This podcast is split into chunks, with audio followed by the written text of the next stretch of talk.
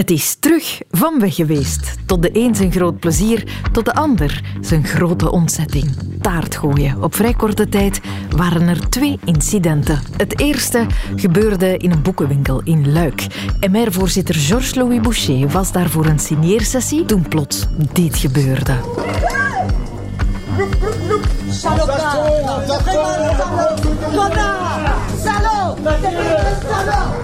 Een man loopt op hem af en kletst een slagroomtaart in zijn gezicht. Achteraf blijkt de dader een boze zelfstandige te zijn die het niet heeft voor de steekvlampolitiek waar Boucher zijns inziens aan meedoet tweede incident deed zich een paar dagen later voor in Brussel. Michael O'Leary, topman van Ryanair, kwam nieuwe investeringen aankondigen, stond klaar om een interview te geven voor het gebouw van de Europese Commissie, toen plots twee milieuactivisten opdoken. Welcome in Belgium! Stop the pollution of the fucking plane! Twee taarten voor O'Leary, die nog vrolijk kan reageren op het incident. I love cream cakes. They're my favorite. Okay, so we're here this morning to submit uh, our latest passenger petition to our close friend Miss Ursula von der Leyen. En daarmee staan er weer twee nieuwe namen op het lijstje roemruchte betaartigden, betaarten, aangetaard, geantardeerd, taartslachtoffers. Ik weet het niet. Hoe je het ook wil noemen. Elio Di Rupo staat daarop. Maggie de Blok, aartsbisschop André Leonard, Pim Fortuyn, Frits Bolkestein, Rupert Murdoch, Maurice Béjart, Jean-Luc Godard, Nicolas Sarkozy, Bill Gates en zelfs de Mona Lisa. Allemaal kregen zij toert tegen hun smikkel, gebak tegen de bek, flan tegen de facie, slagroom op de smoel. Allemaal werden ze slachtoffer van een aanval per patisserie. Waarom doen we dat eigenlijk, taart gooien? Daar wil ik het eens over hebben. Welkom in de wereld van Sophie. Radio 1. Het is een vrij internationaal fenomeen, dat taartgooien, maar een van de fanatiekste en beroemdste taartgooiers aller tijden is een Belg, Noël Godin. Verantwoordelijk voor heel veel taarten in het gezicht. Nicolas Sarkozy heeft die betaard, maar hij is wereldwijd bekend geworden toen hij in 1998 Bill Gates te pakken had. Een stralende Bill Gates, maar niet voor lang. Hij krijgt taart in het gezicht bij het binnenkomen van het Concert Nobelgebouw in de Brusselse Aarlenstraat. Geen letsel, maar dik onder de slagroom gaat het dan vliegensvlug naar een badkamertje voor de grote schoonmaak. Noël Godin was wereldnieuws. Maar hij was toen dus al vele jaren actief als taartgooier en bekend. In Franstalig België en Frankrijk kenden ze hem al als auteur, criticus, acteur en dus ook als entarteur. Het lijstje beroemdheden die hij aangetaard heeft is echt wel indrukwekkend. Want daar gaat het hem om. Hè? Machthebbers die hun macht niet goed gebruiken, op sympathieke wijze de mond snoeren en te kijk zetten. En in zijn strijd had hij al die jaren een Vlaamse compagnon, nog zo'n anarchistisch type, namelijk Jan Bucois. Filmmaker, bekend van onder meer La Vie Sexuelle des Belges, Camping Cosmos. Ook uh, oprichter van het veelbesproken Onderbroekenmuseum in der tijd. Partners in pie dus, die twee, zoals ze het zelf zeggen. En samen stonden ze ook aan de wieg van een nieuwe beweging, de Internationale van de Patisserie, zo noemden ze dat. Allemaal geïnspireerd door de acties van Godin. Veel inleiding, eigenlijk gewoon om te vertellen dat Noël Godin onlangs jarig was en dat een verjaardag zonder taart geen echte verjaardag is. Dus bevond reporter Wart Bogaert zich niet zo lang geleden. Onderweg naar Noël Godin met taart, heel toepasselijk. Want Noël is jarig. En met Jan Bucois. Jan, gaat hij blij zijn met een taartje, denk je? Eh, taarten is om te werpen, hè. Dus, niet om op te eten. Je gaat ze toch niet in mijn gezicht gooien? Je weet nooit. Uh, nee, alleen pretentieuze mensen. Dus ik moet me bescheiden opstellen. nee, mensen die pretentieus zijn en, en, macht uitstralen en uh, die macht ook gebruiken om de wereld onbewoonbaar te maken. Dat doe je niet, hè? Ik ga me inhouden. Hier zijn we. Hallo. Hallo, bonjour. Nous sommes ici pour Monsieur Godin. Oui, allez, entrez. Merci. grote foto's van Laurel en Hardy, Jan, in de gang. Dat is al toepasselijk Ja, eigenlijk. dat is slapstikken. Ja, ja, dat, is- dat zijn de, de eerste taartensmijters. Une vraie tarte. C'est une vraie tarte, oui. oui. C'est pour son anniversaire. C'est très gentil. Daar is hij. Bonjour, monsieur Godin. Enchanté. C'est pour votre anniversaire, monsieur Godin. Je suis très ému et je vais découvrir devant vous. D'abord, je dis, j'embrasse mon ami Anne. Toch wel een uniek moment. Ik zit voor de beroemdste taartengooier ter wereld en ik heb hem net een taart in zijn handen gestoken. Est-ce que je dois m'inquiéter que, que vous me la jettes dans la figure? Vous ne devez pas trop vous, en- vous inquiéter car vous avez totalement, vous avez une belle figure, donc vous n'êtes pas du côté des oppresseurs. ik, ik zie er sympathiek uit. Non, merci. Je vous en prie. Les attentats pâtissiers, c'est une arme nou- nouvelle qui est extraordinaire. C'est mieux que les œufs, c'est mieux que le foin, c'est mieux que les tomates. Het is beter dan eieren, het is beter dan mest, het is beter dan wat er nog allemaal kan gegooid worden. Parce que c'est un espéranto magnifique. On est compris à l'autre bout du monde. Het is een soort Esperanto, zegt hij, het taartgooien. Iedereen begrijpt het over de hele wereld. Het bestaat al sinds de periode van de stomme film. Est-ce que, monsieur Godin, vous étiez ravi de voir Michael O'Leary entarté il y a une semaine Mais plus que ravi, j'en suis le grand responsable. Et, Vous êtes le grand responsable. ben oui, avec nos, nos amis, évidemment. L'opération de la semaine dernière a été un, rêve. Elle a, elle a réussi magnifiquement. Elle marque le retour, la résurrection de notre internationale pâtissière Gloup Gloup. Et on peut constater que dans nos, nos rangs, contrairement à ce qui s'est passé avant, il y a beaucoup de jeunes filles. Des pétroleuses, comme on disait sous la commune. Hij is ongelooflijk tevreden met de actie van vorige week tegen Michael O'Leary. Is dat nu een grote bekentenis die hij hier doet, Jan? Dat hij eigenlijk zegt, ik ben er de grote verantwoordelijke voor? Ja, verantwoordelijk te zijn is verantwoordelijk omdat hij dus het taartensysteem in, in, ingevoerd heeft. Maar het zijn niet allemaal jonge mensen ook die, die, die erbij komen, want eh, ik zeg, de machthebbers eh, zijn de, de schaamte voorbij.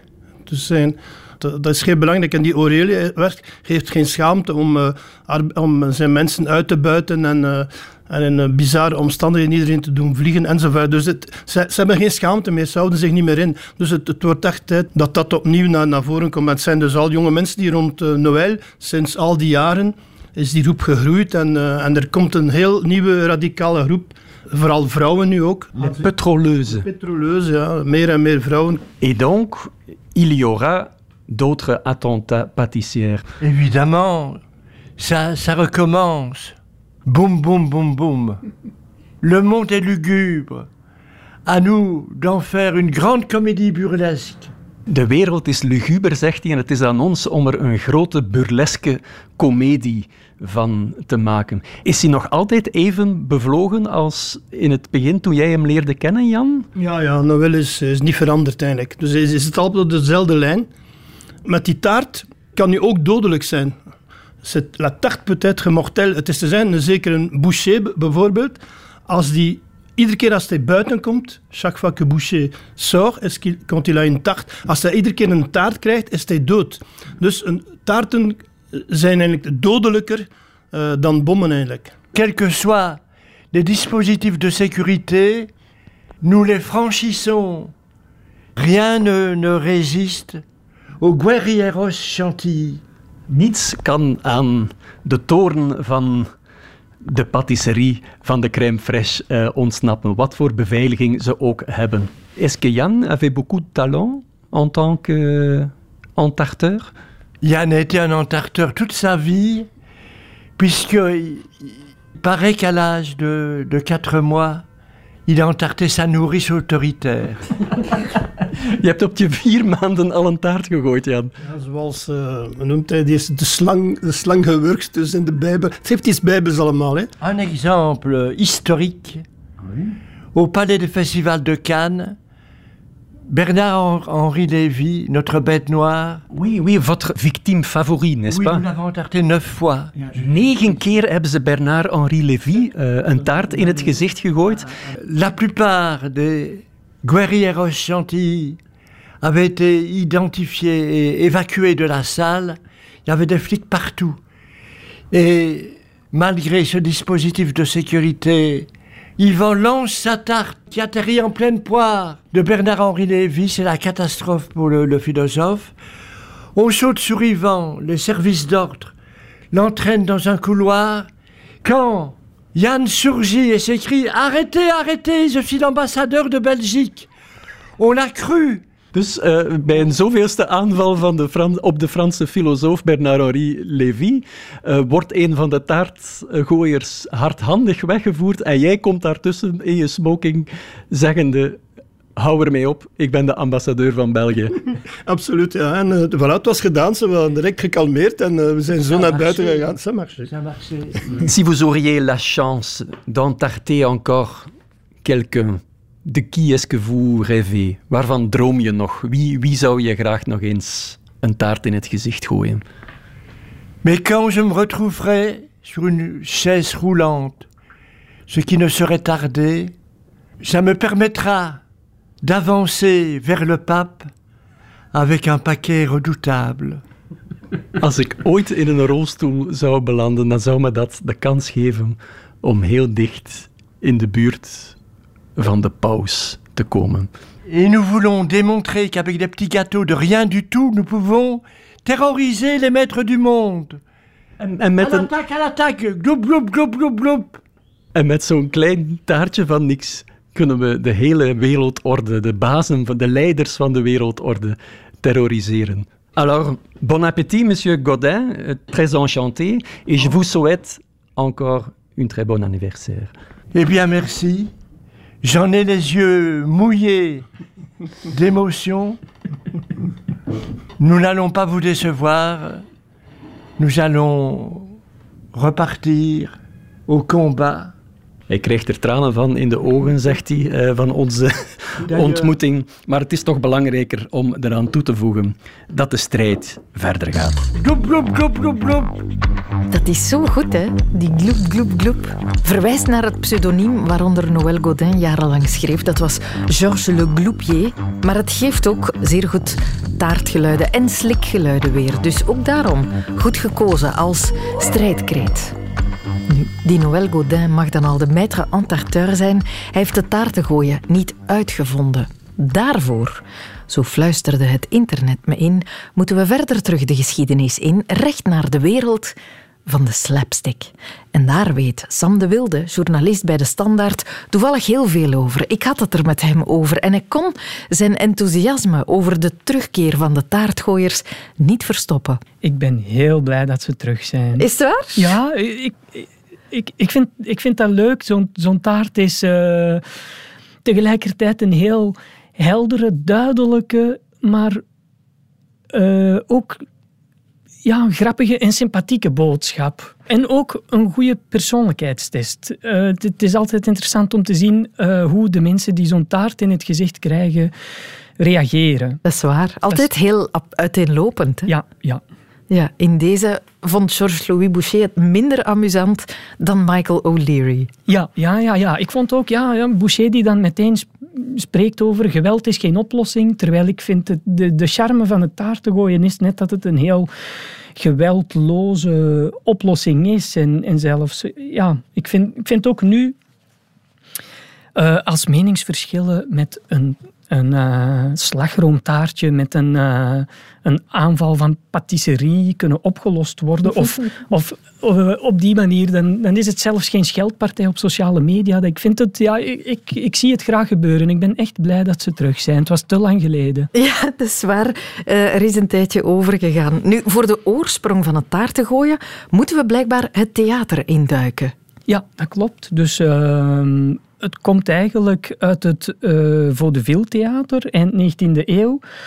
Ehm, waar op dat moment een, eh, ja, een theaterman, Fred Carno, hij zou als eerste begonnen zijn met de taart in het gezicht. En dat, heeft er alles mee te maken met dat hij bezig was met een, een woordeloze komedie. Dus een heel... Uh, hij, hij, is begonnen met sketches te doen die heel uh, visueel waren en dus ook heel universeel. Mm -hmm. En uh, bij die Fred Carno hebben al de of vele uh, grote komieken uit de slapstick film. Charlie Chaplin, maar ook uh, Stan Laurel, hè, de dunne van de dikke en de dunne. Uh, die hebben bij hem eigenlijk het vak geleerd en zij hebben het dan waarschijnlijk mee naar Hollywood genomen. Ah ja, van het theater is het naar de film gegaan, maar dus ontstaan in een woordeloze context. Ja.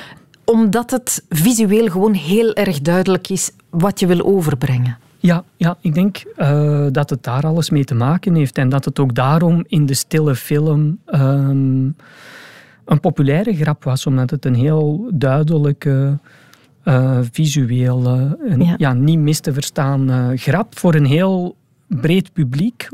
in, ja, omdat het woordeloos is. Dus ook voor voor iedereen verstaanbaar. Ja, ja, daar gaat het vooral om bij slapstick voor de niet-kenners. Het is een soort lichamelijke humor uh, die grappig is omdat het zo wat doet schrikken. Hè? De bananenschil tegen een lantaarnpaal aanlopen en zo, dat soort dingen. Hè? Ja, ja, ja. Een heel, heel fysieke humor. Heel inventief. Vaak ook een uh, absurd kantje eraan. Dus ook, ook met die taarten.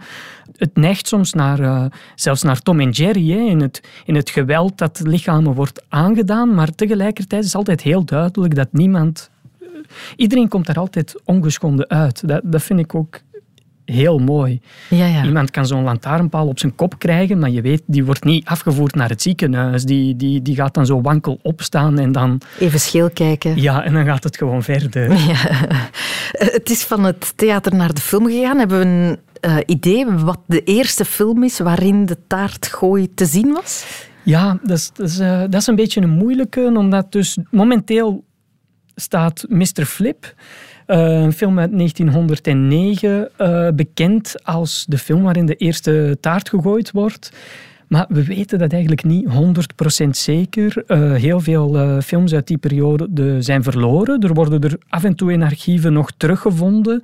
Dus de kans bestaat. En, en het zou me niet verwonderen dat er al voorbeelden van vroeger zijn.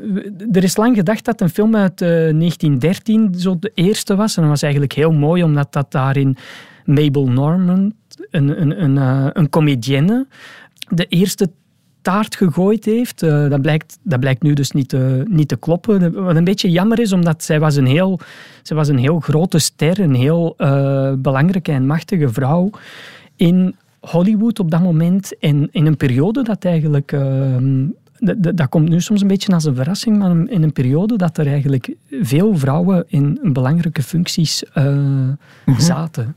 In de filmwereld, hè? Ja, ja dat is ja. waar. Laurel en Hardy, zij zullen het legendarisch gemaakt hebben, of zo kennen wij het misschien nog het allerbest. Ja, ja, ja. En wat velen beschouwen als het definitieve taartgevecht is een uh, film uit 1927, The Battle of the Century, omdat het daar ook uh, massaal is. Er, ah, ja. er, zijn 3000 taarten voor gebruikt. Dat, wordt, dat is een, een gigantisch taartgevecht. Dat is niet meer één iemand. Um, en het begint heel... Het is grappig, want het begint ook met een bananenschil. Dus uh, Hardy, de dikke, legt een bananenschil klaar om de dunne te laten vallen. Maar, heel toevallig, um, is het een patissier die erover uitschuift. Ja, oké. Okay. Ik vind het al grappig ja. gewoon om het te horen. Ja, dus, en omdat het een patissier is, die wordt kwaad. En hij um, gooit dan een taart naar uh, Oliver Hardy. Um, die gooit dan een taart terug. Uh, niet elke taart komt uh, bij de juiste persoon terecht. En enfin, dat onta ontaart volledig. Ah, ja, ja, oké. Okay. Waren dat eigenlijk toen altijd slagroomtaarten? wel, blijkbaar werden ze toen wel nog echt gebakken, wat we nu vaak zien. Het is trouwens niet altijd uh, slagroom. Er wordt soms ook uh, scheerschuim gebruikt. Ah ja. Gewoon oh. zo'n schaaltje. Ja, jammer, jammer. Dat ja. is niet de kunst van de taart te gooien. Maar goed, die, uh, dus of gewoon, soms is het gewoon een, een, een schaaltje, dus ja, gevuld met slagroom, ook nog flauw. Maar er werden ook wel echt taarten gebakken, maar we vermoeden dat ze nooit echt zo dat idee van mm, lekker taart in het gezicht gewoon aflekken. Ze zijn naar het schijnt nooit echt lekker geweest. Ook niet toen ze nog echt gebakken werden. Um, puur functionele taarten. Ja, puur functioneel. Het gaat echt om de look, om hoe het eruit ziet. Het is een visuele grap en dus ook de korst en zo.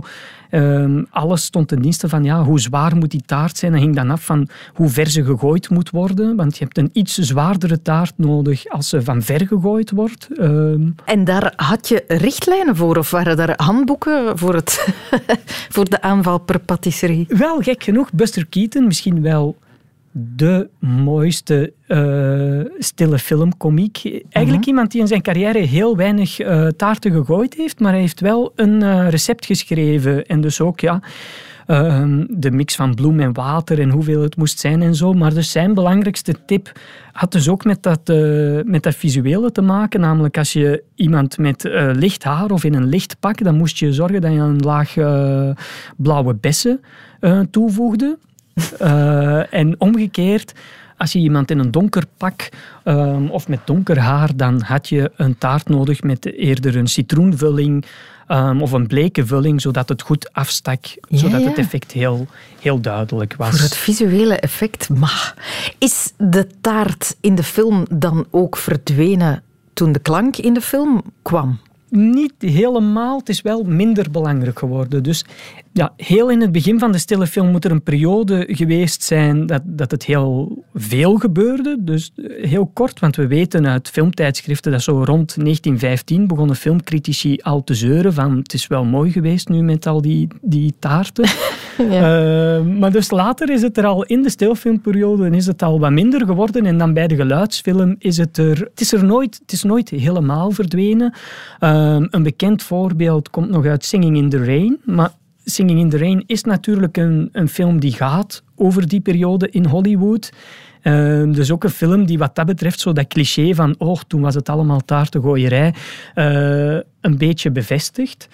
En dan zijn er nog uh, in de jaren 60 een, een, paar grote gevechten. Een heel bekend voorbeeld is in Doctor Strangelove van Stanley Kubrick. Daarin wordt de Koude Oorlog opgelost met een, uh, een gigantisch uh, taartengevecht.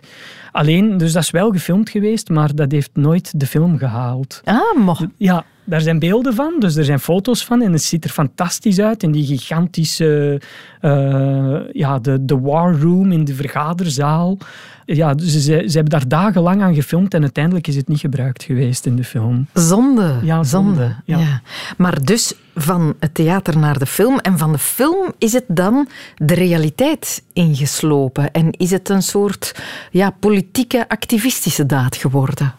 Ja, het politieke taarten gooien uh, komt een beetje uit de eind jaren 60, begin jaren 70, uit, het, uh, ja, uit de tegencultuur. Het gaat altijd om een, een scheve machtsverhouding die met een taart ja, of die, waarin we doen een poging om die met een taart uh, recht te trekken of zo. En, en daarom ben ik ook zo blij dat ze, dat ze terug zijn. Het is zo'n beetje het enige het enige wat de onmachtigen hebben om te zeggen hoe, uh, hoe ga je anders aan zo'n O'Leary die, die, die zich van stakingen duidelijk niks aantrekt, hoe ga je anders duidelijk maken van nee, wij zijn het hier niet mee eens, dan vind ik een taart een heel, een heel mooie en heel sympathieke manier eigenlijk om dat, om, om dat duidelijk te maken. Je zegt ook, ja, wij zijn, jij bent een clown, wij zijn het hier niet mee eens. Ik, ja, het is ook een soort machtsgreep, hè? want het blijft een krachtig beeld. Je weet ook op die manier dat je beeld de wereld rond zal gaan. Ja, ook, en, en ook daarin is die, dit blijft ook, uh, dus dat, het idee dat het ontstaan is, omdat het een visueel sterk beeld is, dat is ook, dat, dat is ook nu nog heel belangrijk. Uh, we weten dat als we Bill Gates een taart in het gezicht gooien, dat, dat uh, media daar aandacht aan gaat geven. Dat is trouwens ook met met de andere dingen die gegooid worden. Als klimaatactivisten uh, soep op Van Gogh gooien, dat is natuurlijk om dezelfde reden. Omdat ze weten dat dat een heel krachtig beeld is en dat dat meer aandacht uh, gaat genereren dan, dan wanneer ze gewoon een, uh, in, in protest op straat komen. Van het vaudeville theater tot het politieke theater. Ze hebben het ver geschopt, de taartgooiers. En al die andere gooiers, hè, want taarten zijn natuurlijk niet de enige dingen die we naar iemands kop gooien als we het wat met die persoon gehad hebben.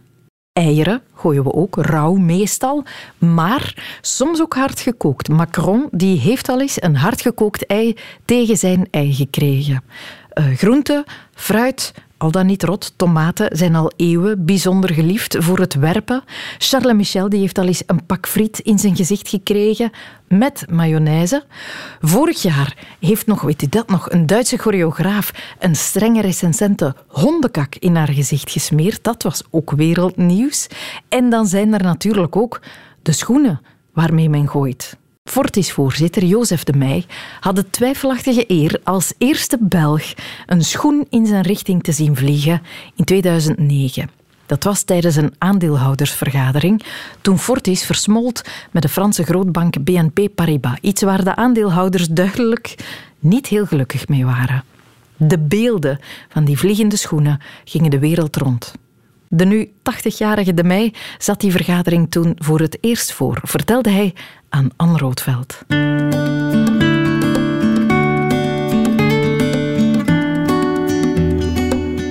Er waren dus uh, ja, meer dan 3000 aandeelhouders aanwezig.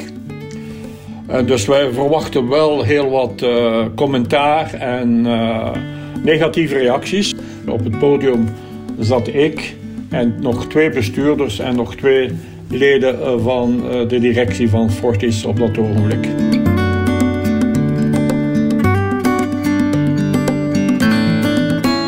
Het was al moeilijk van in het begin. Iedere keer dat uh, iemand de, de, de, microfoon vroeg, was het uh, ja, roepen, argumenten aanhalen die eigenlijk geen argumenten waren. Het was vooral zeer emotioneel. En zij die dan het woord namen en die voor het voorstel gingen stemmen, die werden van de microfoon, van hun microfoon getrokken, zodat ze hun mening niet konden uiten. En op een gegeven ogenblik, ja, natuurlijk ontstaat er veel rumoer en geweld en uh, ja, lawaai. En, uh, en dan plotseling, ja, plotseling kwam er, uh, kwam er ja, een schoen uit de zaal naar het podium. En iedereen uit het podium natuurlijk was heel verrast. En daarna uh, ja, volgden onmiddellijk waren er nog andere zaken zoals muntstukken. En ook die afstandsbediening waarmee de, de aandeelhouders konden stemmen werden ook naar uh, ons, uh, ons podium gegooid.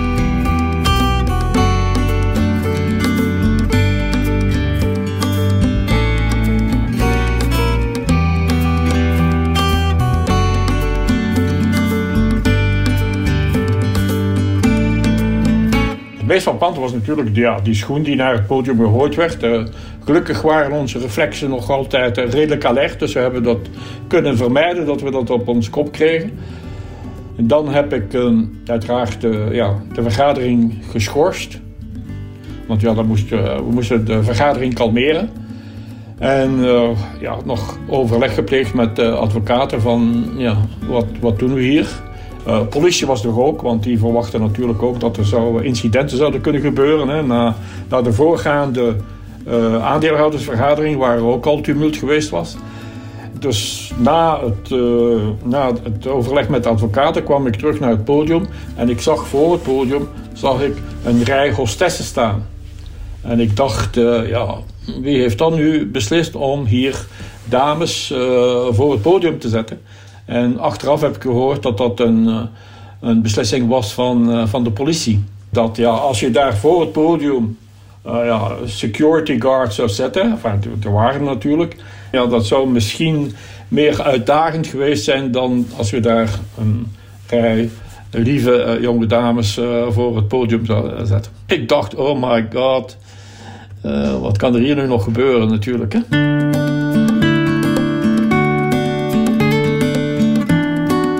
Wie de schoen gegooid heeft, daar hebben we eigenlijk uh, nooit geweten.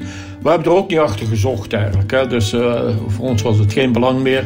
Het belangrijkste was gebeurd dat uh, eigenlijk het voorstel is goed, uiteindelijk goedgekeurd geweest door de aandeelhouders. Men heeft mij dat ook gevraagd, wie het was, maar we hebben nooit geweten. En heeft zich nooit bekendgemaakt. Ik dacht dat uh, ik de eerste Belg was die een schoen naar zijn hoofd had gekregen. Ik weet niet of er nog voor mij waren. En ik geloof niet dat er sindsdien nog iemand uh, een schoen naar zijn hoofd heeft gekregen. Dus ik vond het wel een, een grote eer voor mij om dat, uh, om dat te doen.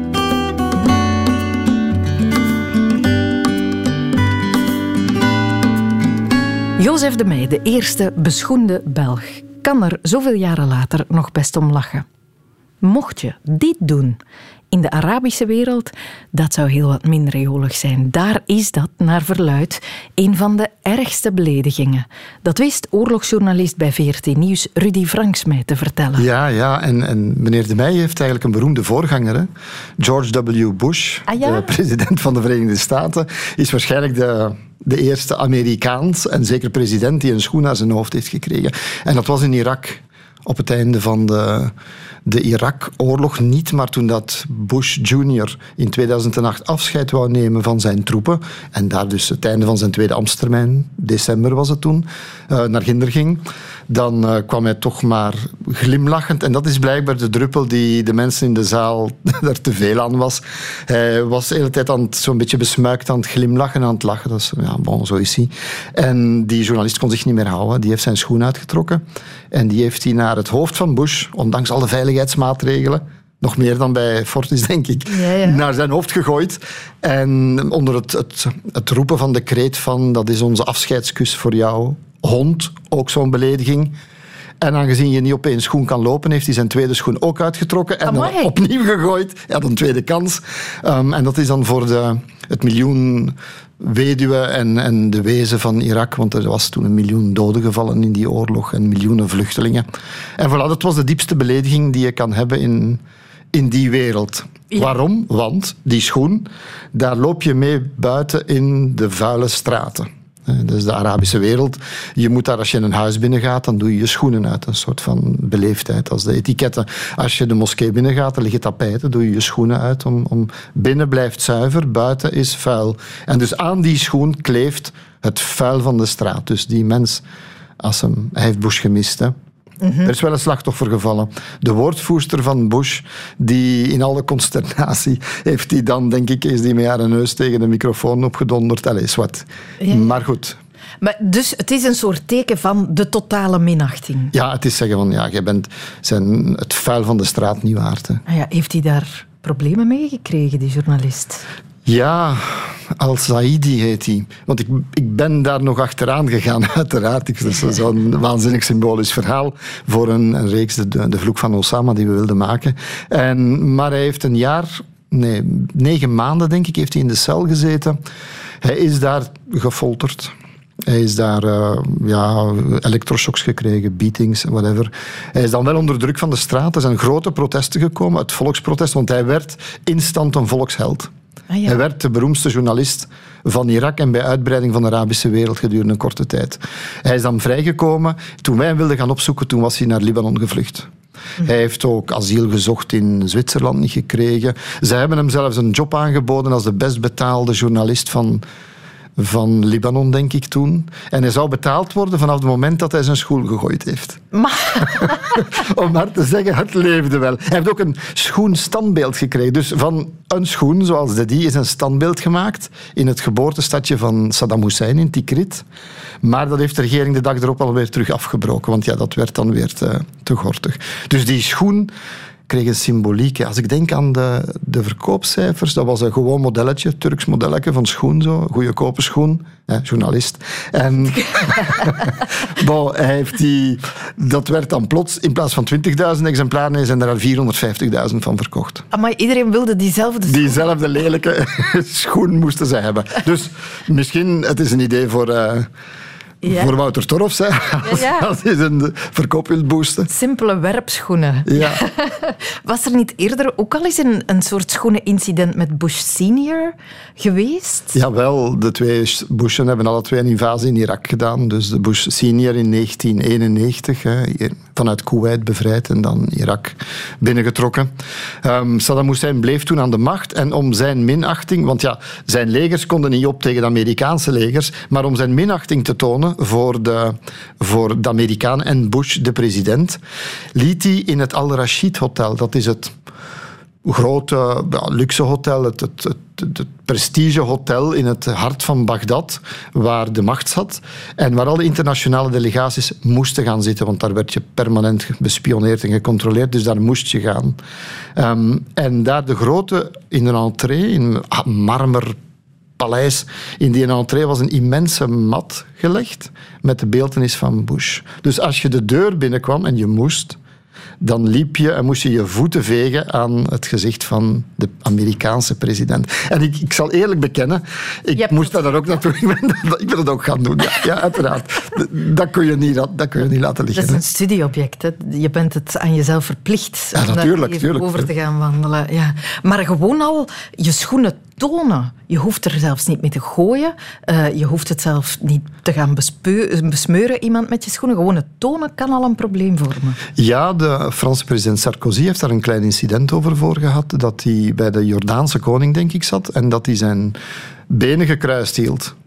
En daardoor toonde hij zijn schoenzolen aan de koning. En dan moeten we weten, de koning is dan zogezegd een afstammeling van de profeet ja, dat is al bijna blasfemie dat je dan gaat plegen. En die, ja, daar werd toen schande over gesproken. Nu moet ik eerlijk bekennen dat, niet per se door dat incident, maar dat ik er altijd wel op let als ik bij mensen zit of interviews doe, dat ik mijn voeten probeer op de grond te houden. Ah ja, ja, omdat... En ik zeg dat ook tegen de, de ploeg, of die weten dat ook. Je moet u, ja, dat is de etiketten. Ja, ik besef plots dat ik met mijn schoenzool naar jou gericht zit. Waarvoor bij voorbaat excuses. Ik bedoel, er, uh, ik, bedoel er, ik bedoel er niks mee. Maar goed, dus in de Arabische wereld gaat een schoen heel wat ophef teweeg brengen. Meer dan in... Want het is ook al wel eens in Londen gebeurd. En in ja, tegen een Chinese premier door studenten en, en, en ook in India blijkbaar. Nu, ook na die Al-Zaidi toen, heeft het heel kort een kleine opflakkering crosscultureel, zullen we maar zeggen. En ik heb opgezocht, in Odessa, in Oekraïne toen, is er een Oekraïnse journalist die dat toen naar een uh, official ook gegooid heeft. Ook zonder gevolgen. Het werkt aanstekelijk. Ja, absoluut. Het is, ook, het, is zo, ja, het is zo handig. Je hebt het altijd bij in een schoen. Ja, ja, dat ja, is, ja, is op, en je kan iemand van op verre afstand, zelfs met bewaking, alsnog uh, benaderen. Want ja, maar ik heb geen, geen enkel voorbeeld gevonden van een goede schoengooier. Ik heb nog geen enkele keer weten doel treffen. Ah ja. ja. Het is altijd, ja. Het is altijd mis. Hè? In the heat of the moment. Ja, je hebt maar één, je hebt maar één kans eigenlijk, hè, of twee. Het is wachten op de eerste rake schoen. Of niet, hè, want de schoen hoeft uiteindelijk zijn doel niet te raken om doeltreffend te zijn. De boodschap komt wel over. Projectielen gooien is het ultieme verzet van de machteloze tegenover iemand met een hoge status. Het is quasi onschadelijk en in het beste geval kan je het zelfs een soort sympathieke machtsgreep noemen. Maar dat is het niet altijd. Soms is het veel platvloerser dan dat. Soms gooien mensen gewoon omdat het kan, omdat ze dat grappig vinden. Sam Goris, al jarenlang ambiancemaker op de Vlaamse podia, die heeft daar genoeg ervaring mee. En hij heeft het er eigenlijk wat mee gehad. Met de pipo's, die naar een optreden gaan kijken alleen om ermee te lachen. En om met dingen te gooien. Brecht de Volderen kon hem even bellen.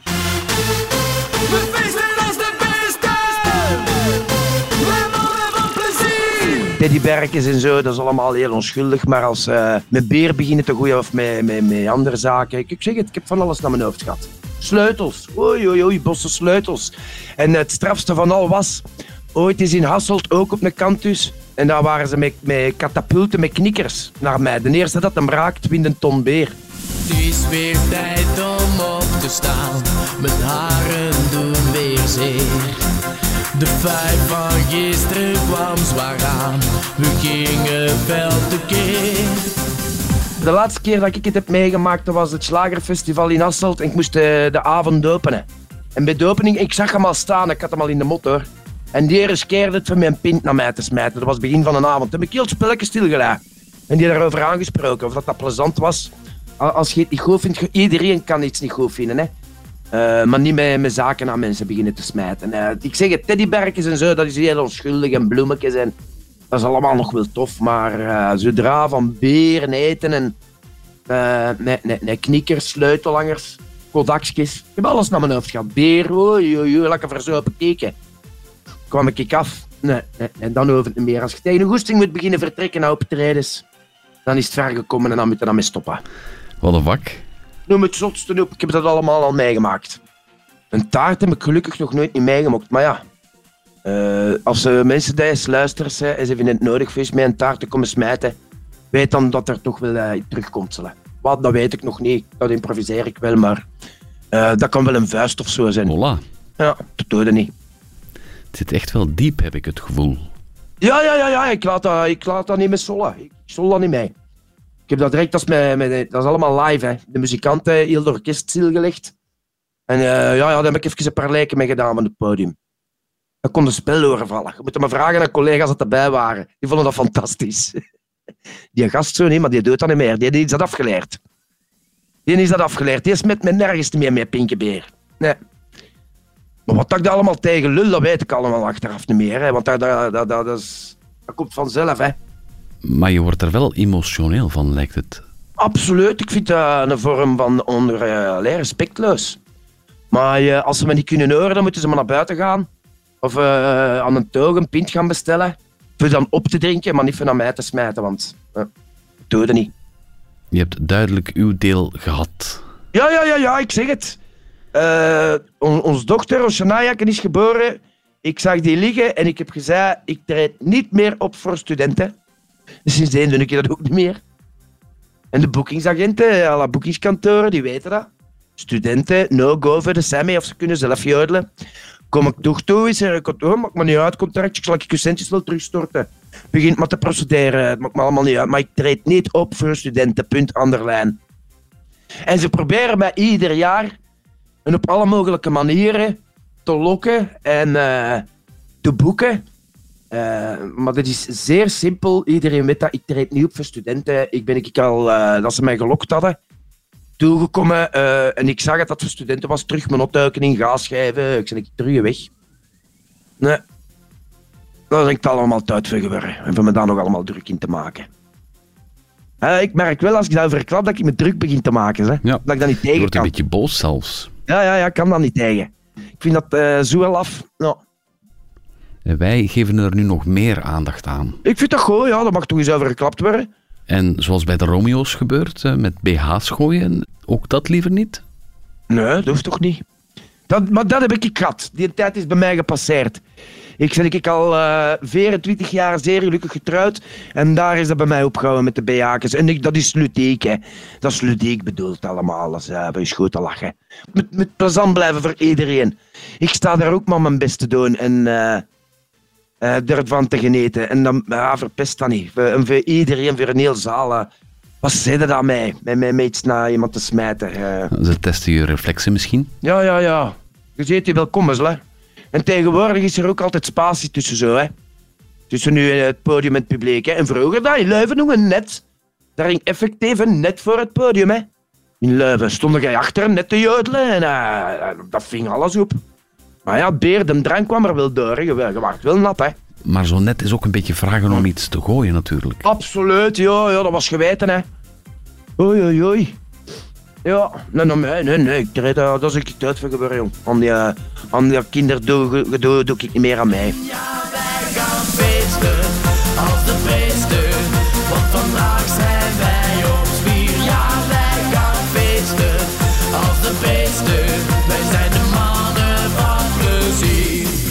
krijgen ze nog eens aandacht op de radio. Nee, nee, ik vind het wel eens belangrijk dat jij daar tijd voor maakt in je programma. Dat, je daar, dat daar eens over geklapt wordt.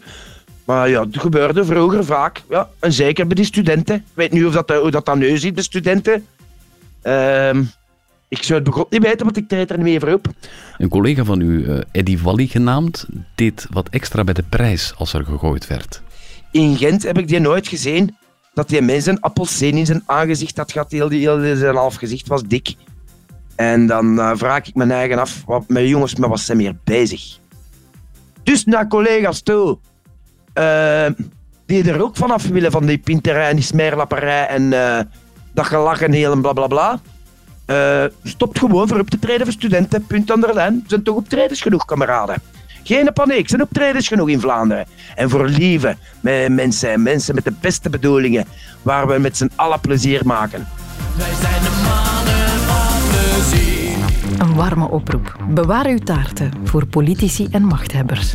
Maar laat Sam Goris met rust. Hij is er klaar mee. En terecht.